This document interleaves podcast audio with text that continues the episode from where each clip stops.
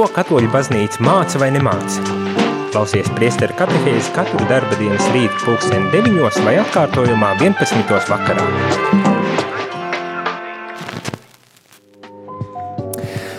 Mīļo klausītāji, sveicinu tevi ar sveicienu, lai ir slavēts Jēzus Kristus. Ir 4. 15. decembris laiks rīta katehēzei un šeit pie studijas pults un pie mikrofona es Māris Vēliks, un es vēlos atgādināt, mīļo klausītāji, ka visu šo nedēļu mēs piedāvājam īpašu katehēžu ciklu par žēlsirdību. Jau pirmdien šo tēmu ievadīja priesteris Andris Ševels, runājot par to, kas tad īsti ir žēlsirdība.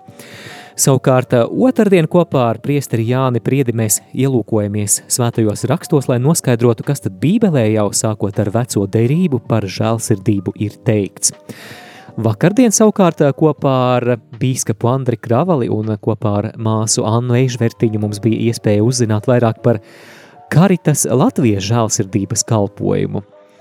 Un, ja kādu iemeslu dēļ nedzirdējāt šīs katehēzes gan tiešraidēs, gan atkārtojumos, tad atgādinu, ka varat tās meklēt gan mūsu YouTube kanālā, arī Radio Marija Latvijā arhīvā, vai arī tādās eh, lietotnēs kā Spotify un eh, Apple podcasts.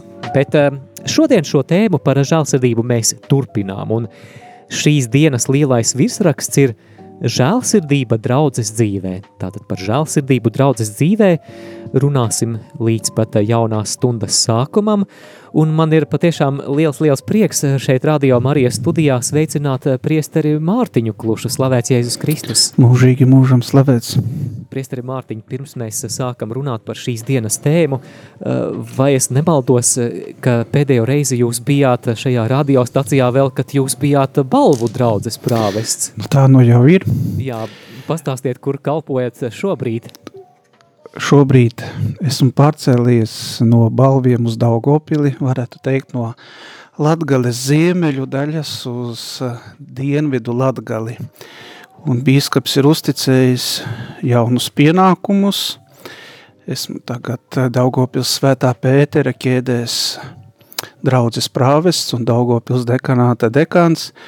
Tāpat jauni pienākumi klāt ir nākuši arī pašā pilsētā. Esmu poļu skolas, poļu valsts gimnāzijas kapelāns un pašvaldības policijas kapelāns. Oh, rekā. Jā, un tāpat paliek pienākumi gan Rīgā, strādāt šeit starpdiecēžu seminārā par docētāju, un tāpat arī par tiesnesi starpdiecēžu tiesā ar, varētu teikt, ar vietu, ar mūsu biroju Aglonas bazilikas draudzes telpās.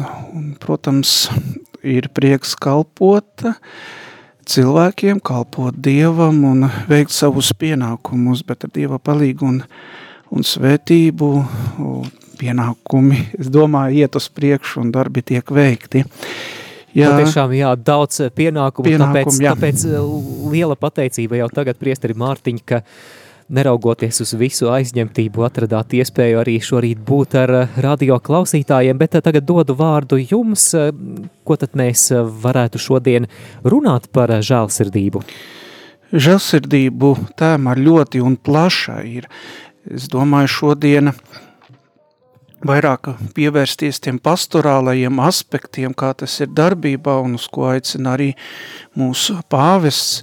Ja mēs lasām katehismā, tad žēlsirdības darbi, kā jūs zināt, ir vairāk ir. Un, protams, draudzē, sevišķi lielākās pilsētās, ko mēs varam sastapt, tas ir viens no lielākajiem un, varētu teikt, svarīgākajiem žēlsirdības darbiem ir uh, slimnieku apmeklēšana, rūpes par viņiem un vēl klāt arī pāvests uh, arī uzsvertā ir ieslodzīto apmeklēšana un 9. 2009. gadā, ja nemaldos, arī pāvests ir uzsvēris vienā no savām katehēzēm šīs divas lietas – slimnieki un ieslodzītie. Un lasot pāvesta pārdomas un viņa katehēze, gribu teikt, ka šie divi tādi virzieni slimnieki un ieslodzītie cietumnieki atrodās zināmā nebrīvē, un vieni mazāki, otri lielāki. Bet uh, mēs zinām no kristīgās mācības, ka Jēzus dāvā cilvēkam brīvību, kura avots ir satikšanos, ir ar viņu.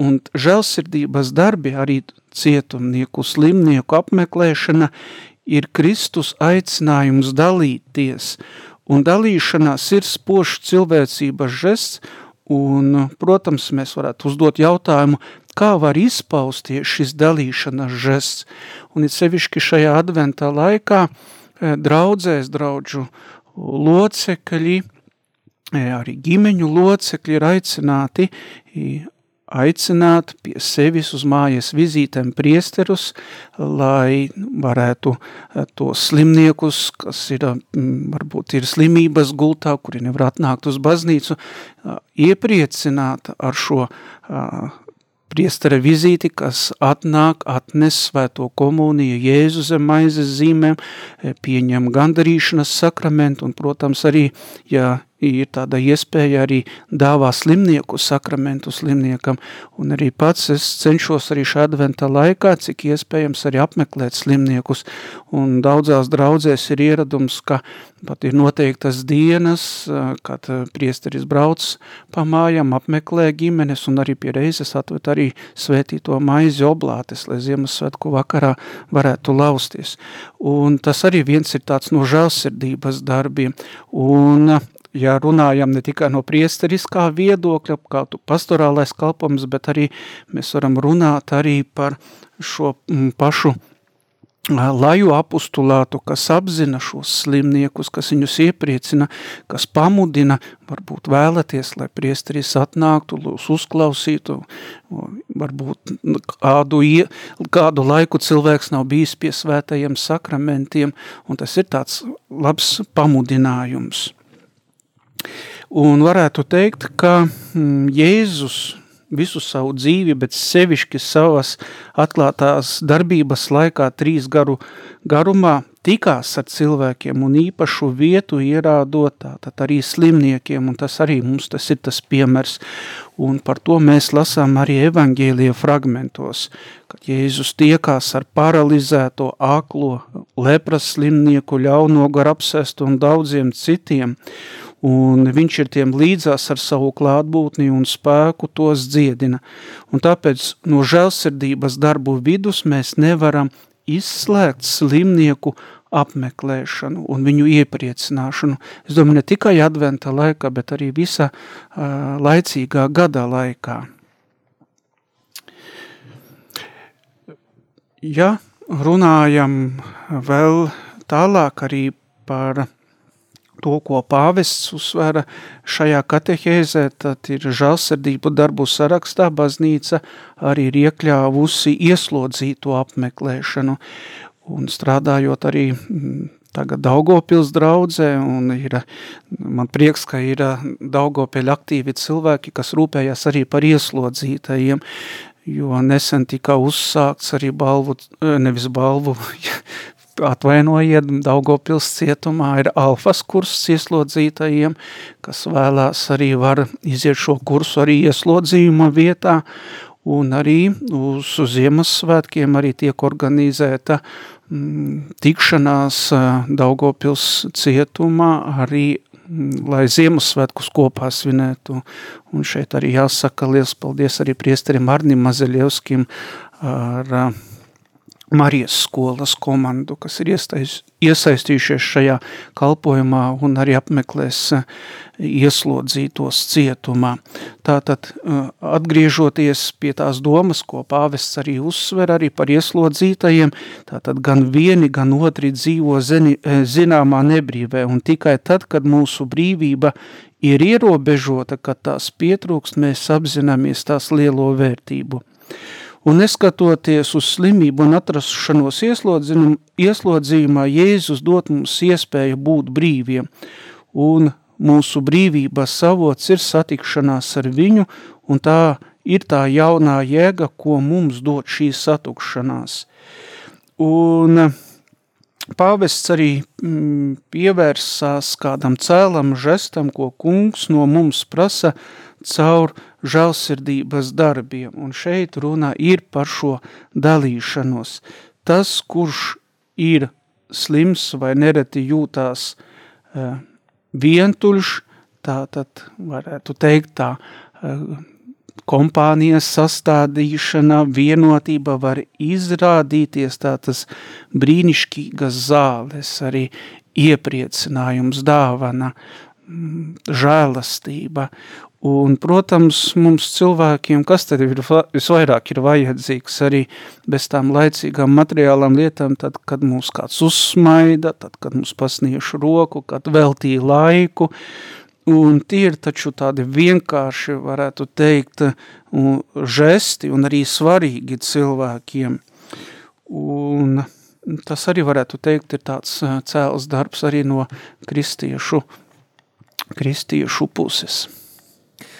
Jā, man šķiet ļoti interesanta doma, jo virspusēji raugoties uz žēlsirdības darbiem, mēs bieži vien domājam par tikai materiālām taustāmām lietām, ka mēs, piemēram, noziedojam, dodam kādu žēlsirdības dāvanu vai runa varbūt ir par zupas virtuvi, bet, manuprāt, tas ir labs atgādinājums, ka žēlsirdība var izpausties arī tādās nemateriālās izpausmēs, kā kaut vai laika veltīšana, uzmanības veltīšana, varbūt arī vienkārši pat uzklausīšana, Tā jau ir.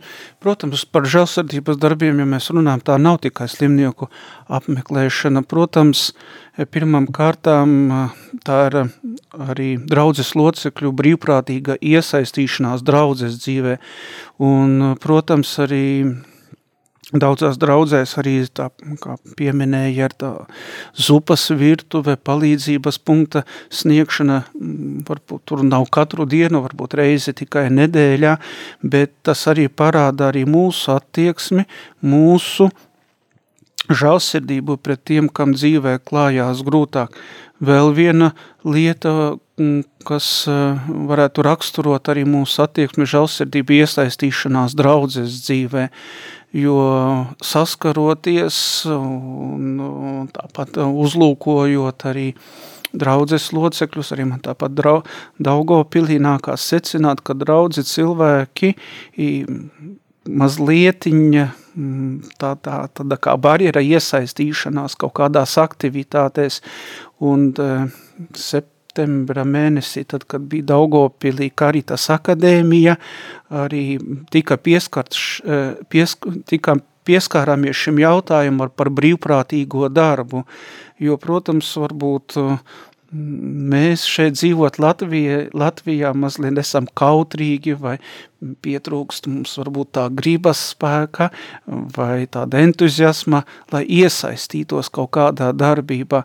Un citu reizi mēs gaidām, ja es iesaistos kaut ko, kāds ir man tas labums, kas man par to būs. Ir, protams, tur ir atbildība, bet pirmām kārtām ir jāsaprot, ka es to daru ne jau sev, Nu, bet Dieva godam, cilvēku labestībai, labumam, jā, man varbūt tas gandarījums ir par to, ko es esmu paveicis, un varbūt ne, nelieloties par to labo, ko es esmu paveicis, Dievs man ir ieskaitījis kā taisnīgumu mūžībā.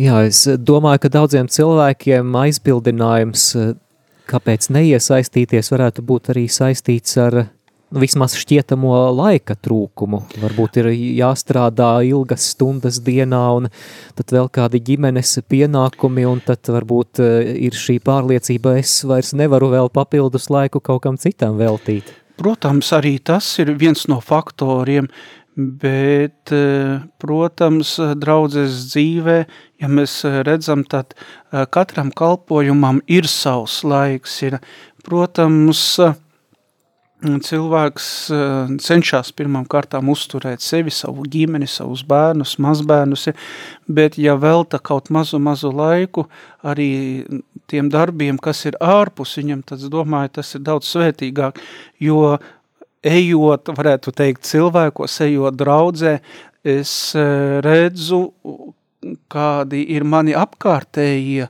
cilvēki, un līdz ar to es ne tikai veidoju viņus, bet veidoju arī sevi, jo iepazīstot cilvēkus, es iepazīstu arī savas vājumus, savas uh, arī stiprās puses, jo līdz ko tu dzīvo, varētu teikt, savā noslēgtajā kopienā, tu nevari saprast arī, kāda tā kopiena ir plašāka ir un kādas ir tās cilvēku vēlmas, problēmas un viņu stāsti, dzīves pieredze un tad mm, tas eh, skatījums uz pasauli, uz dzīvi ir tāds šaurs ir. Un es domāju, tie mazie darbiņi palīdz mums paskatīties uz pasauli, mazlietiņa savādāk ir. Tur ir tā lieta laiks eh, mūzikas pauzītē, pēc tam atgriezīsimies atpakaļ ēterā, lai runātu par žēlsirdību draudzes dzīvē. Klausītājiem vēlos atgādināt, ka studijā pie mums Daugaupils svētā Pētera ķēdēs draudzes prāvests priesteris Mārtiņš Klušs, Un es eh, vēlos arī atgādināt jums, klausītāji, ka arī jūs varat iesaistīties ēterā vai nu uzdodot savu jautājumu vai daloties savās pārdomās par žēlsirdības tēmu. Un ir arī kāds jautājums, ko es vēlos tev, klausītāji, jautāt. Varbūt tu varētu padalīties, vai tavā draudzē ir žēlsirdības kalpojumi? Un, ja ir, tad kādi? Varbūt arī tu esi iesaistīts kādā draudzes žēlsirdības kalpojumā, kādā karitas grupā vai zupas virtuves darbībā, varbūt apmeklē slimniekus, uh, kopā ar Marijas leģionu, tad droši, droši iesaisties ēterā un padalies, jo šī pieredzes apmaiņa tad arī mūs viens otru, mēs varam šādā veidā viens otru iedrošināt, un kontaktinformācija studijā ir šāda. 679 969 131, šis ir numurs, uz kuru jūs droši jebkurā brīdī varat zvanīt. Savukārt īziņas un WhatsApp ziņas gaidām uz numuru 266 77 272.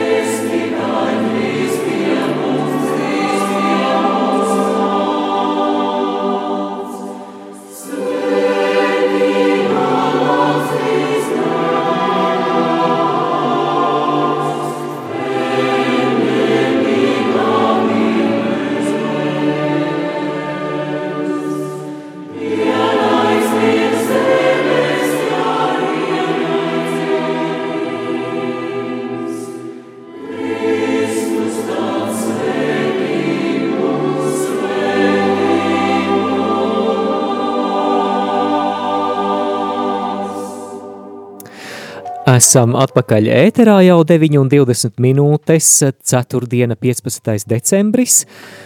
Šajā rītā Radio Marijas studijā es Māris Veliks un kopā ar mums arī priesteris Mārtiņš Klušs no Daugaupils un sarunājamies par žēlsirdību draudzes dzīvē un vēlos arī atgādināt jautājumu tev klausītāji, ar kuru var iesaistīties ēterā, vai tavā draudzē ir žēlsirdības kalpojumi, Un, ja ir, tad kādi, varbūt kādos tu esi iesaistīts un ko tas tev dod. Bet uh, turpinot šo sarunu, jā, priesteri Mārtiņ, jūs jau minējāt arī, ka pāvests Francisks daudz runā par žālsirdības kalpojumu un arī ieklausoties viņa runās un viņa rakstos, mēs redzam, ka pāvestam Franciskam tā ir ļoti liela prioritāte pamodināt baznīcā šo žēlsirdības kalpojuma daļu. Uh, Bet eh, jūs varbūt man varat eh, oponēt, varbūt es maldos, bet man ir radies priekšstats, ka Latvijas draudzēs žēlsirdības kalpošana kopumā vēl nav ļoti attīstīta, jo, ja mēs runājam, piemēram, par karitas vienībām draudzēs, tad, protams, ir tādas draudzes, bet nu, tās nav visas, vai arī pat ja ir draudzes, kurās ir zupas virtuve vai, vai kāda slimnīcas kalpošana, tad noteikti to nevar apgalvot par visām draudzēm. Vai var piekrist šādam apgalvojumam, ka mēs vēl esam tikai attīstības stadijā? Es domāju, jā. Es domāju, jā, ka mēs esam attīstības stadijā un e, daudzas lietas ir atkarī, atkarīgas no, varētu teikt, no tā, kāda ir mūsu sabiedrība, kāda ir, varētu teikt, draudzes dzīve, un faktori ir dažādi. Pirmām kārtām ir cik liela draudze, vai draudzē ir telpas, e, nākamais e, draudzes rocība, nākamais vēl faktors ir, cik aktīvi ir draudzes locekļi un prāves, lai iesaistītos šajā darbā, un viss svarīgākais, cik ir vēlme palīdzēt otram cilvēkam.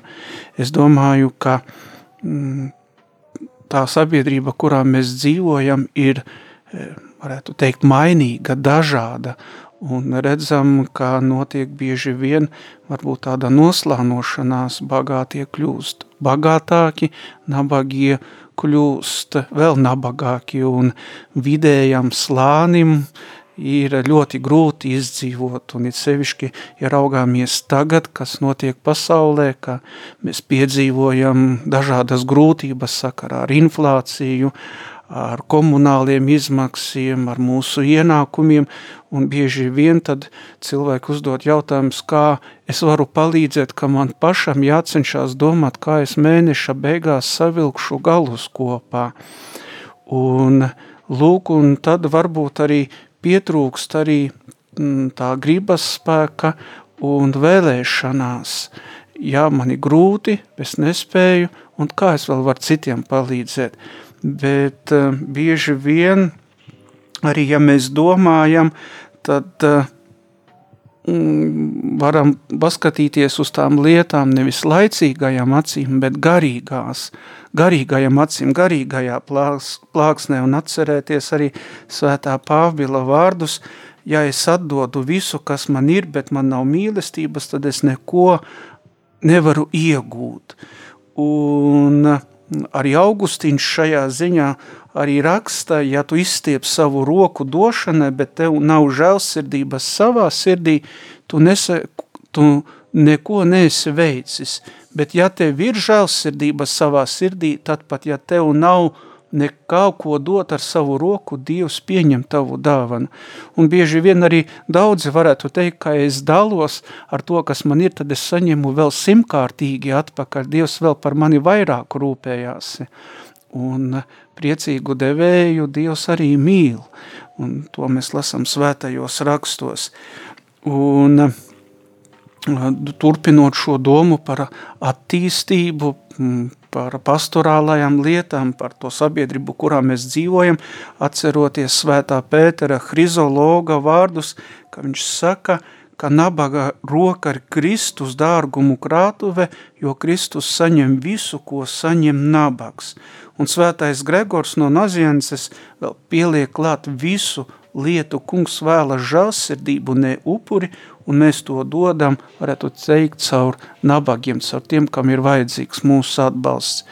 Jā, šeit daudzi varētu oponēt arī, protams, arī atceroties uh, gavēņa pārdomas un lielā spiegdienas ciešanu aprakstu, tad, kad atcerēsimies jūda, paņēma šo naudas, varētu teikt, lādīt un, un aizgāja un nodeva Jēzu, bet visi domā, ka viņš aiziet un kaut ko izdala nabagiem ir, bet jā, viņš arī pārdzīvoja par šo arī, un Jēzus saka, nabagi vienmēr ir būs un būs un trūkums cietēja pie jums, bet es pie jums esmu tikai šo laiku. Apustuļiem, viņš uzsvera šo domu, ka vajag novērtēt arī tās lietas, kas ir tās svarīgākās.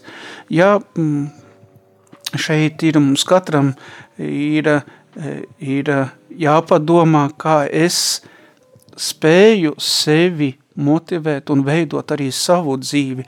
Un, protams, ir ļoti svarīgi izkopt iekšējo jūtīgumu pret īstajām tuvākā vajadzībām, lai zinātu, kā mums tam palīdzēt, kā darboties, lai to neievainotu, kā arī uzvesties, lai tas, ko dodam, būtu tā īstā dāvana.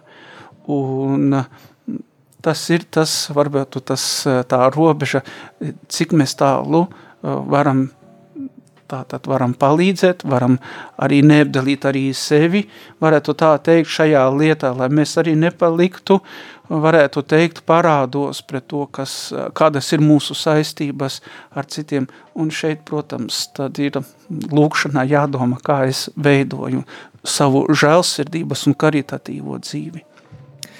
Jā, esmu domājis arī šajā sakarā um, par to, vai tas gadījumā nav arī padomju laika mantojums, ka pagaidām mēs šajā jomā esam attīstības stadijā, jo padomju laikā baznīca, baznīcai nebija iespējas savu darbību izvērst uz ārpusi, vai arī tā mēs varētu apgalvot? Protams, baznīca padomju laikā bija uh, varētu teikt, ieslēgta savā teritorijā, kad viņa tikai darbojās savā iekšēnē, bet nedarbojās uz āru un nedarbojās e, uz sabiedrību, bet mācīja sabiedrību, varētu tā teikt, iepušā. Un tagad, kad baznīca nāk ārā un arī atgādina principus, to, ko Jēzus mums mācīja, varbūt daudziem ir ieļaunojums, daudzi ir šokā, daudzi pārmet arī to pašu satversmi, ka baznīca ir atdalīta no valsts. Šeit mēs varētu skatīties un runāt daudz plašāk. Jā, tas mantojums ir palicis, un arī cilvēku domāšanā, ka mēs esam gatavi vairāk saņemt, nekā dāvāt un dalīties ar citiem. Un, protams, baznīca – arī uz doto brīdi varētu teikt, arī tādā situācijā, kad baznīca pati pārtiek no ziedojumiem, no cilvēku atbalsta, ko svētdienās katrs kristietis atnākot uz dievkalpojumu saliek upuri, upuri upurtraukā vai ievet, iemet upuru dāvanu kastītē, jo, protams, tad, lai saņemtu kaut ko no valsts un lai būtu valsts atbalsts, tad mums Eh, kā, kā draudzēm jāpiedalās gan dažādos projektos, ir, tad ir vai jāraksta iesniegumu un jālūdz, ir vietējās pašvaldības vai autoritātes, lai atbalsta arī baznīcas uzturēšanu. Jā, šeit ir daudz jautājumu, bet arī maz, maz, mēs, maz mēs atbildam, kā tad uzturēt tās lietas un kā veidot to draudzes dzīvi, lai arī palīdzētu tiem, kam ir grūtāk. Un šeit es domāju, ja runājam par karitas darbību, es ceru, ka arī pieskāra šim jautājumam, ka tā paša karitas organizācija arī sadarbojas ar sociālajiem dienestiem, kas atrodas draudzes teritorijā, ko veido arī pašvaldība, kā garantu, kā palīdzību eh, saviem iedzīvotēm, kam ir ļoti grūti, un arī viņi arī tiek apzināti lai tomēr pilnveidotu žēlsirdības kalpojumus draudzē, lai turpinātu veidot un attīstīt šo žēlsirdības kalpošanas arī struktūru draudzēs, kam būtu jāuzņemas tā pirmā atbildība vai pašiem draudzes locekļiem vai prāvestiem? Es domāju, ka draudzes locekļiem pirmam kārtam būtu jāuzņemās iniciatīva, draudzes prāvests ir kā palīgs un atbalsts, iedrošinātājs, jo, protams, draudzes prāvests dod savu svētību, arī savu atbalstu, bet eh, draudzes eh, prāvestam, ja mēs eh, tā uzlūkojam uz doto brīdi draudzes vadību, tad ir daudz, ir daudz citu pienākumu. Jā, bieži vien salīdzinot arī draudzes darbības šeit Latvijā un varbūt mm, ārpus Latvijas, tad ir, ir tie, tie pienākumi ir dažādi, jo veidojot draudzes dzīvi, tad um, pirmam kārtām prāvests ir tas, kas ir vairāk rūpējās par tām garīgajām lietām, garīgo dzīvi, draudzē arī par svēto sakramentu dalīšanu, jeb administrēšanu, tāpat sagatavošanu, uh, gan laju sagatavošanu pirmajiem sakramentiem vai laulībai, arī mm, šī paša slimnieku aprūpe, un pēc tam otrajā plānā tik paliek tie saimnieciskie darbi, un bieži vien nākās secināt, ka saimnieciskie darbi bieži vien prāvestiem ieņem pirmo vietu, nekā arī tie, tie garīgie pakalpojumi, kam prāvests arī ir, varētu teikt, aicināts, lai tāpat svētdienā sagatavotu homīlijus, prediķus, lai tāpat lūgtos atrastu laiku arī tai pašai stundu liturgijai, jo tas eh, laiks, cik viņš mums ir dāvāts, cik, cik viņš mums ir jāizmanto, un, protams. Jā, patiešām laika ir tik, cik, cik ir, ir. un um, man šķiet, ka mums kā draudžu locekļiem droši vien ir jāatcerās par to, ka patiešām nevar sagaidīt no prāvestiem visu, uzkraut pārāk lielu atbildību, ka gaidām no prāvesta gan iniciatīvu žēlsirdības darbos un saimnieciskos darbos un citās jomās. Ne, bet prāvests ir atbildīgs savā draudzē par to, kas tur notiek, bet, protams, tas mhm. tā pienākumu sadele. Un šeit atkal nāk prātā sinodālais ceļš, uz kuru mūs aicina pāvests, lai baznīca un draudze nebūtu tikai kāda klerikāla institūcija, bet lai baznīcas dzīvē iesaistītos visi un varbūt tie, kas ņēma dalību tikšanās sinodālā ceļā un pārunāja visus šos jautājumus, atcerās, kāds bija tas jautājumu konteksts, ir, kā es varu iesaistīties, kā es varu veidot savu dzīves, garīgo dzīves ceļu draudzi, un kāda ir tad loma prāvestam priesterim draudzē. Mīļo klausītāji, mēs ar priesteri Mārtiņu noteikti gribētu arī sajust jūsu klātbūtni, lai zinām, ka mēs šeit neesam šajā tēmā tikai šeit divatā studijā, tādēļ droši iesaistieties ēterā, noteikti arī kādi jautājumi jums ir radušies vai arī pārdomas, un atgādinu arī, ka jautājums, uz, kura, uz kuru atbildi mēs gaidām arī no jums, vai jūsu draudzē žālsirdības kalpojumi, un ja ir, tad kādi, un varbūt arī jūs paši esat tajos iesaistīti. Droši zvaniet uz ētera tālruni 67 969 131, atkārtoju numuru 67 969 131. Savukārt, eh, ja vēlaties eh, savas pārdomas eh, uzticēt mums rakstiskā veidā, tad izmantojiet īziņu un WhatsApp ziņu tālruni 266 77 272, bet šajā brīdī dodamies mūzikas pauzē.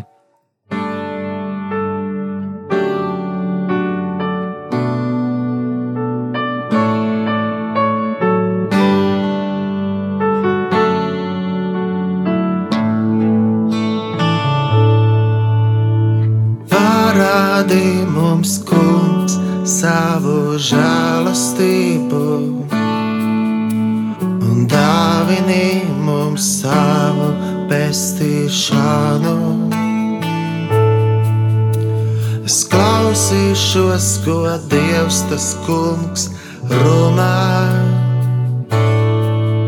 jo viņš sola mieru un svētību savai tautai.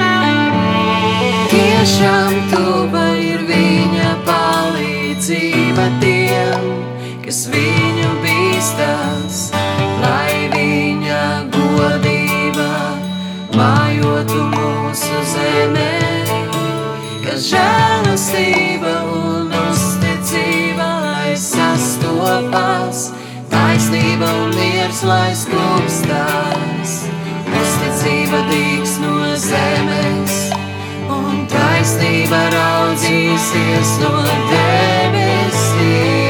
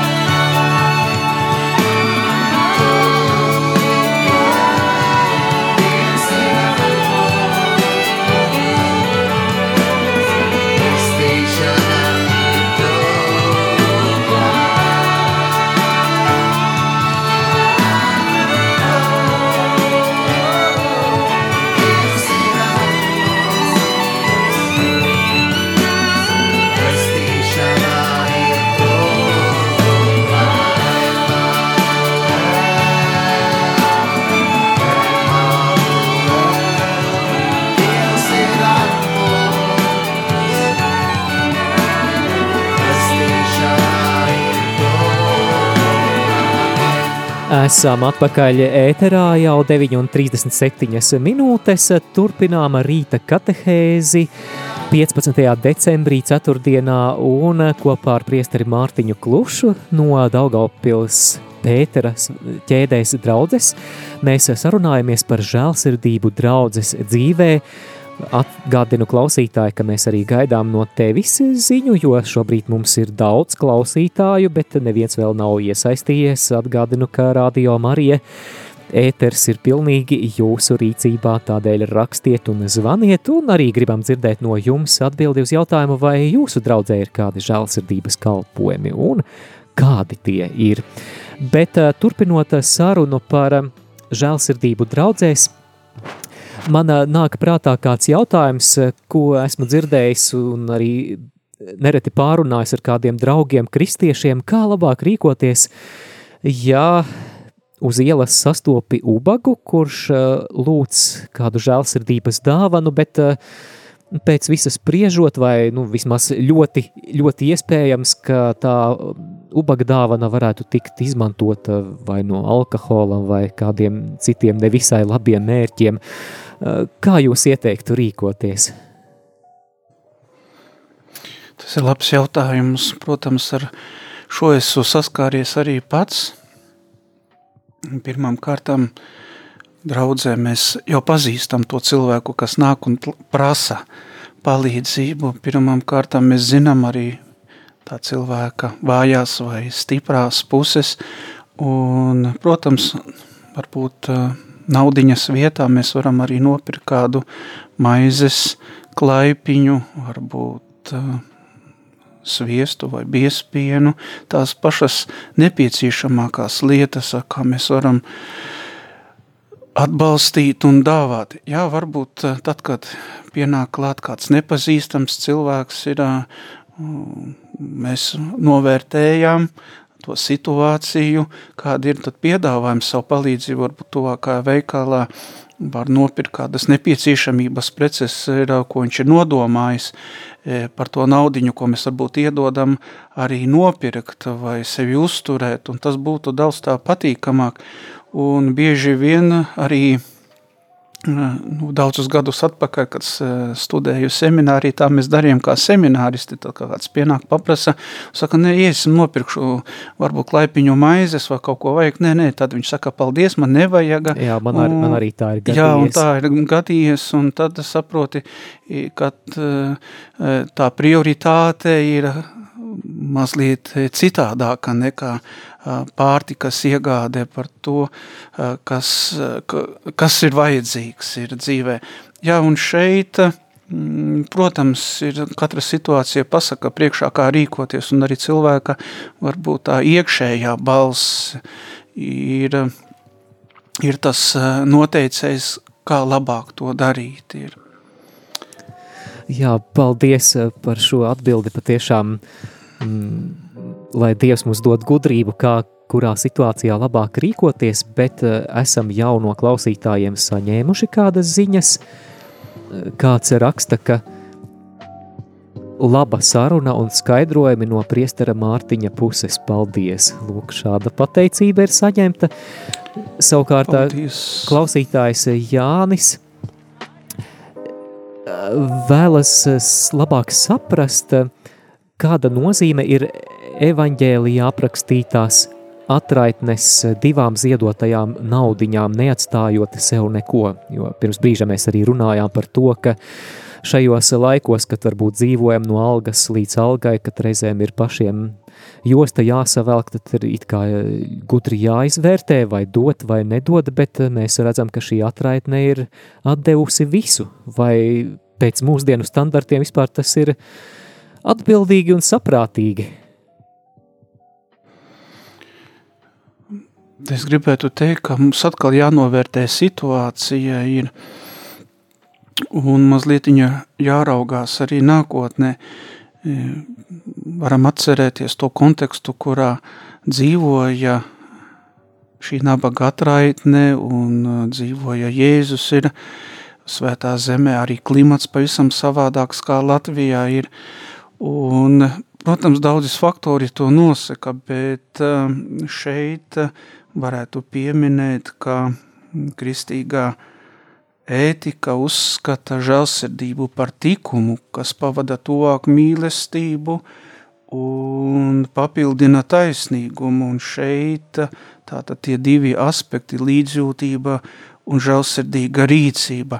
Ja domājam par nabaga atraitni, tad varam mēs saprast viņas paļāvību un uzticību tam, ko viņa dara – ja bieži vien e, šeit varbūt tā dāvāšana, došana, arī upurī saliktie ziedojumi parāda mūsu paļaušanos uz Dievu un Dievu apredzību, ka Dievs arī par mums gādā, ka tām lietām, ko es atdodu, laicīgām lietām ir tāda pārējoša vērtība.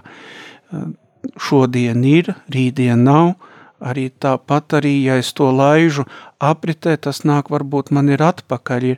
Un es domāju, e, ka redzot šo rīcību, arī varbūt Jēzus un apusturi pēc tam varbūt palīdzēja šai nabagā atraitnē, piegāja klāt, ir uzrunāja. Mēs jau nezinām, ko evaņģēlists pēc tam redzēja un apraksta tālāko darbības situāciju. Mēs tikai vienkārši varam minēt un domāt, kāds ir tas konteksts. Un, protams, izvērtēt arī to, ko rakstā arī svēto rakstu pētnieki šo situāciju un kontekstu. Vai mēs varam uzskatīt tā, ka ja mēs dodam labdarībai, ka Dievs mums kaut kā citādā veidā vai nu, mums nezināmā veidā atlīdzinās atpakaļ, vai šāds uzskats būtu pārspīlējums? Es domāju, ka šīs uzskats ir pareizs, ir, jo atcerēsimies, kādi tad ir tie žēlsirdības darbi, uz ko mēs esam aicināti un ko mācām mums katehismas. Un tie ir, varētu teikt, mm, vairāki žēlsirdības darbi un, protams, Tātad. Tā. Nu jā, mēs, mēs jau runājām gan par tiem materiālajiem žēlsirdības darbiem, arī par tām nemateriālajām žēlsirdības izpausmēm, kā laika veltīšana tuvākajam uzklausīšanam. Jā, bet žēlsirdības darbi nav tikai tas, ir, tas ir apmeklēt slimniekus, apmeklēt cietumniekus, apbedīt mirušos, paēdināt izsalkušos, un man liekas, vēl bija kas mm. klāt. Mīļo klausītāji, ļoti, ļoti gribam no jums dzirdēt, vai jūsu draudzē ir žēlsirdības kalpojumi. Vēlamies eh, vismaz eh, apmēram apjaust, kā tad mums Latvijas draudzēs ir kāda situācija. Jā, varbūt arī kāds ārpus Latvijas mūs klausās, kāds, kurš varbūt strādā ārzemēs, kā ir jūsu draudzē tur, un varbūt ko mēs varam mācīties, kādi kalpojumi ir attīstīti, kur ir iespējams iesaistīties, lai kalpotu ar žēlsirdību. Bet mēs esam saņēmuši, manuprāt, ļoti interesantu jautājumu no klausītāja. Vai iedot cigareti pīpētājam ir žēlsirdība?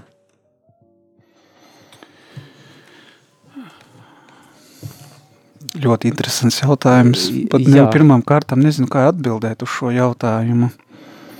Jā, man arī šobrīd pat nenāk prātā, nenāk no prātā. sākt. Es, mēs zinām, ka smēķēšana ir vājība cilvēka, nu, tāda varbūt nepilnība, gribas spēka, trūkums cīnīties ar šo vājību, bet ja cilvēku ir pārņēmis arī šis, varētu teikt, netikums vai vājība, tad Protams, jāizvērtē šī situācija, bet tā kā cilvēks, es, kurš nesmēķēju, man nav ko dalīties, un es nevaru, nevaru tad padalīties arī ar cigareti, tas, kas smēķē ir.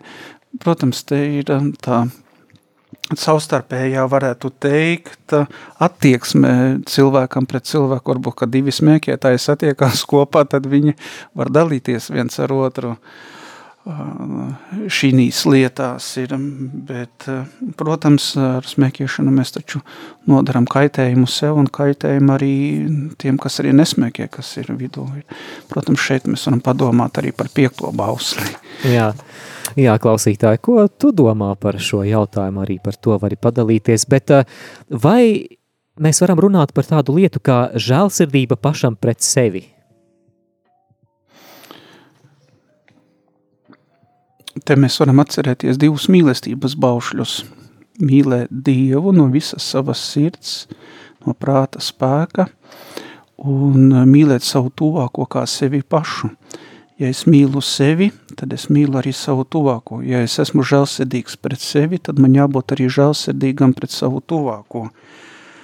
Un Jēkaba vēstulē arī mēs lasām, Un tie, kas nebūs pauduši žēlsirdību, saņem tiesu bez žēlsirdības, un to tie žēlsirdīgie tiek apžēloti. Tātad pirmām kārtām Mateja evangēlija jau piektajā nodaļā mēs lasām, tātad mēs paužot šo žēlsirdību pret citiem, esam lielāki ieguvēji nekā žēlodami sevi.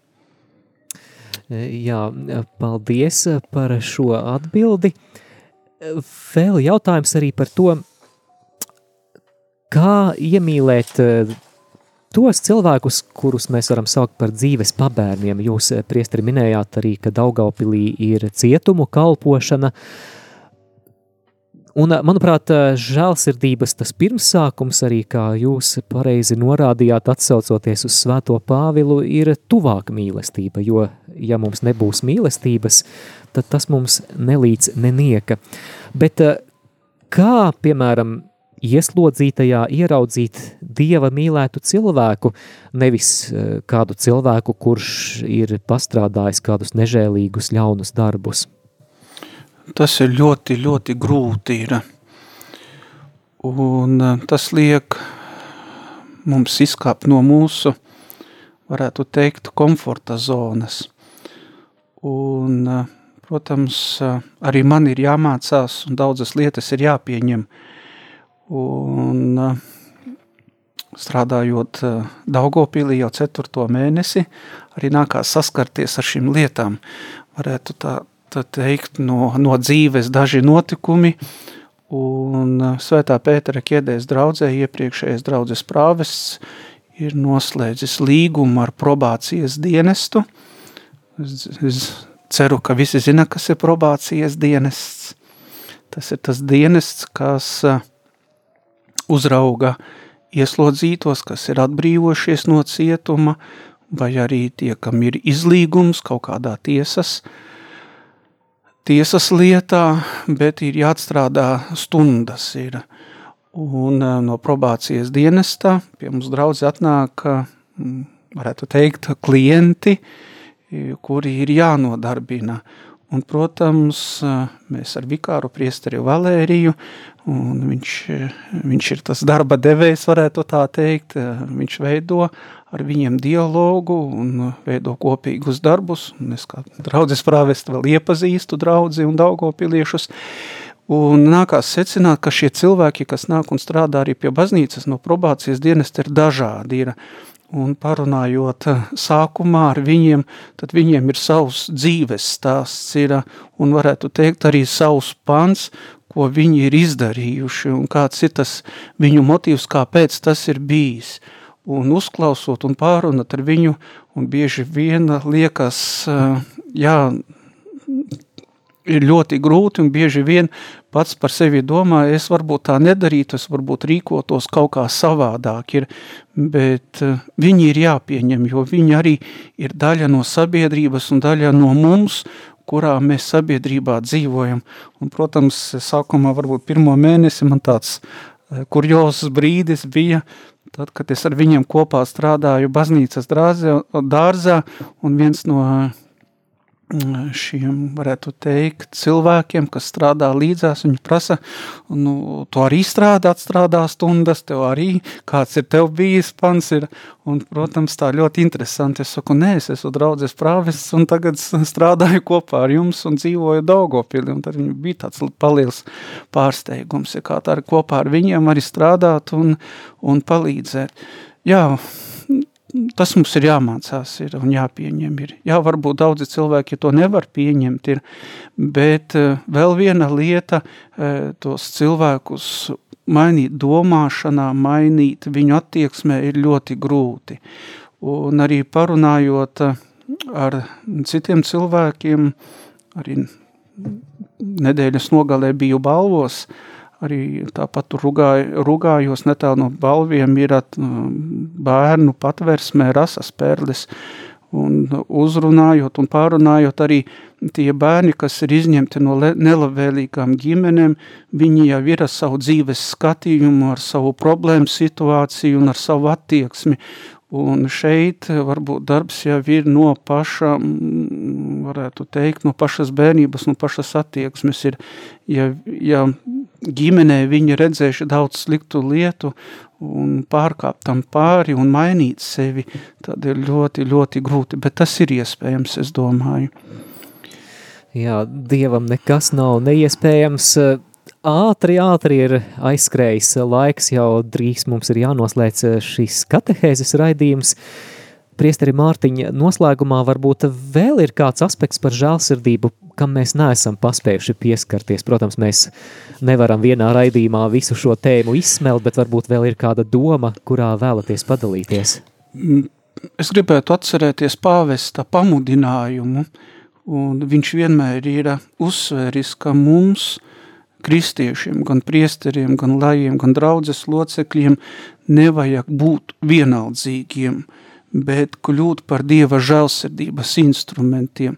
Kaut mazās lietās, kaut ar mazumiņu mēs varam palīdzēt un veidot sabiedrību labāku, veidot arī draudzes dzīves labākas, jo tas ir mūsu spēkos, jo pietiek ar kādu žestu un žēlsirdības darbi, tad mums eh, nes labumu gan pašiem, gan citiem, un jo pateicoties tiem, mēs varbūt arī atgūstam to zaudēto prieku un personas cieņu. Ne jau tikai es personīgi, bet arī tas otrs cilvēks, viņš rēķinās ar manu pretīm nākšanu. Un eh, tas eh, varētu arī var palīdzēt arī tiem, kas ir grūtāk, arī e, celt šo pašapziņu, un ka mūsos mēs neesam niecīgi, bet ka mums ir nepieciešams Dievs un nepieciešami cilvēki blakus. Un to es aicinu arī pārdomāt un novērtēt arī šajā adventa laikā. Ar šo atgādinājumu un pamudinājumu arī šīs dienas raidījumu noslēdzam. No sirds pateicos eh, jums, priesteri Mārtiņa, ka radāt iespēju šeit būt un eh, lai Dievs bagātīgi jūs sveitī šajā adventa laikā, kad, manuprāt, priesteriem darba ir varbūt vairāk nekā parastajā liturģiskajā ir. laikā. Un tagad došos kā parasti ceturtdienā uz garīgo semināru, bet es visus rādījumu arī klausītājus aicinu lūgties par aicinājumiem uz garīgo kārtu semināru, jo mums ļoti, ļoti pietrūkst studentu seminārā un ļoti, ļoti arī pietrūkst arī garīgo ganu draudzēs. Ir. Un ar apņēmību jālūdzas, lai Dievs sūta jaunus kandidātus un jaunus, varētu teikt, cilvēkus, kas vēlētos darboties baznīcā. Jā, klausītāji, tā praktiskā lieta, ko mēs varētu šodien izdarīt, palūkties vismaz vienu esi sveicināta priestera Mārtiņa minētajā nodomā un arī lūksimies par mūsu priesteriem, lūksimies arī par priesteri Mārtiņu un par viņa kalpošanu. Paldies jums! Paldies! Jūs klausījāties priestera katehēzi, kas ir iespējama pateicoties jūsu ziedojumam. Paldies!